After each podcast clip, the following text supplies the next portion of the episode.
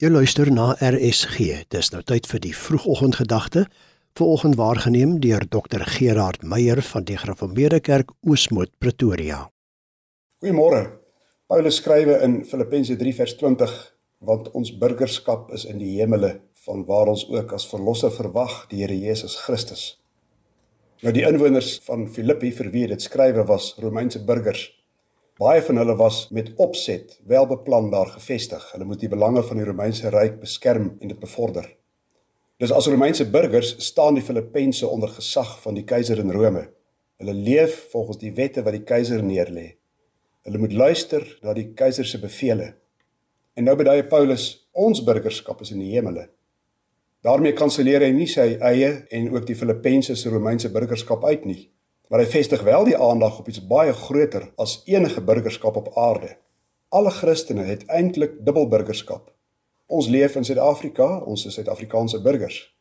Christen Suid-Afrikaners is te gelyk burgers van die hemelse koninkryk.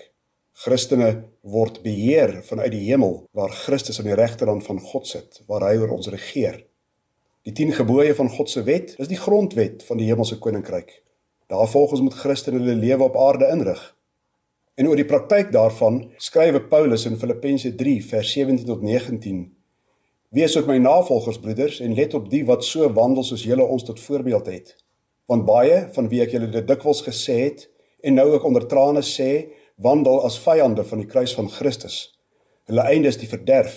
Hulle God is die buik, hulle eer is in hulle skande, hulle bedink aardse dinge.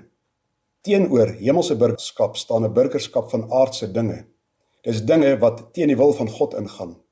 Iemand wat nie onder regering van Christus staan nie, is slegs gefokus op die hier en die nou, sy eie lewe, sy eie vooruitgang, sy plesier, oorlewing, bevrediging van behoeftes en ideale. So 'n lewe kan vir 'n ruk lank dalk baie voorspoedig lyk, maar uiteindelik eindig dit in verderf, want lewe sonder Christus eindig in dood.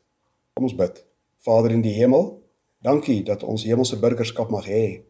Dankie dat ons met ons hemelse burgerskap hier op aarde lewe, hier in Suid-Afrika in ons tyd en ons omstandighede en ons bid dat U vir ons die krag sal gee om opreg en eerlik ook ons burgerskap hier op aarde uit te lewe, die oog gefestig op Christus aan U regterhand.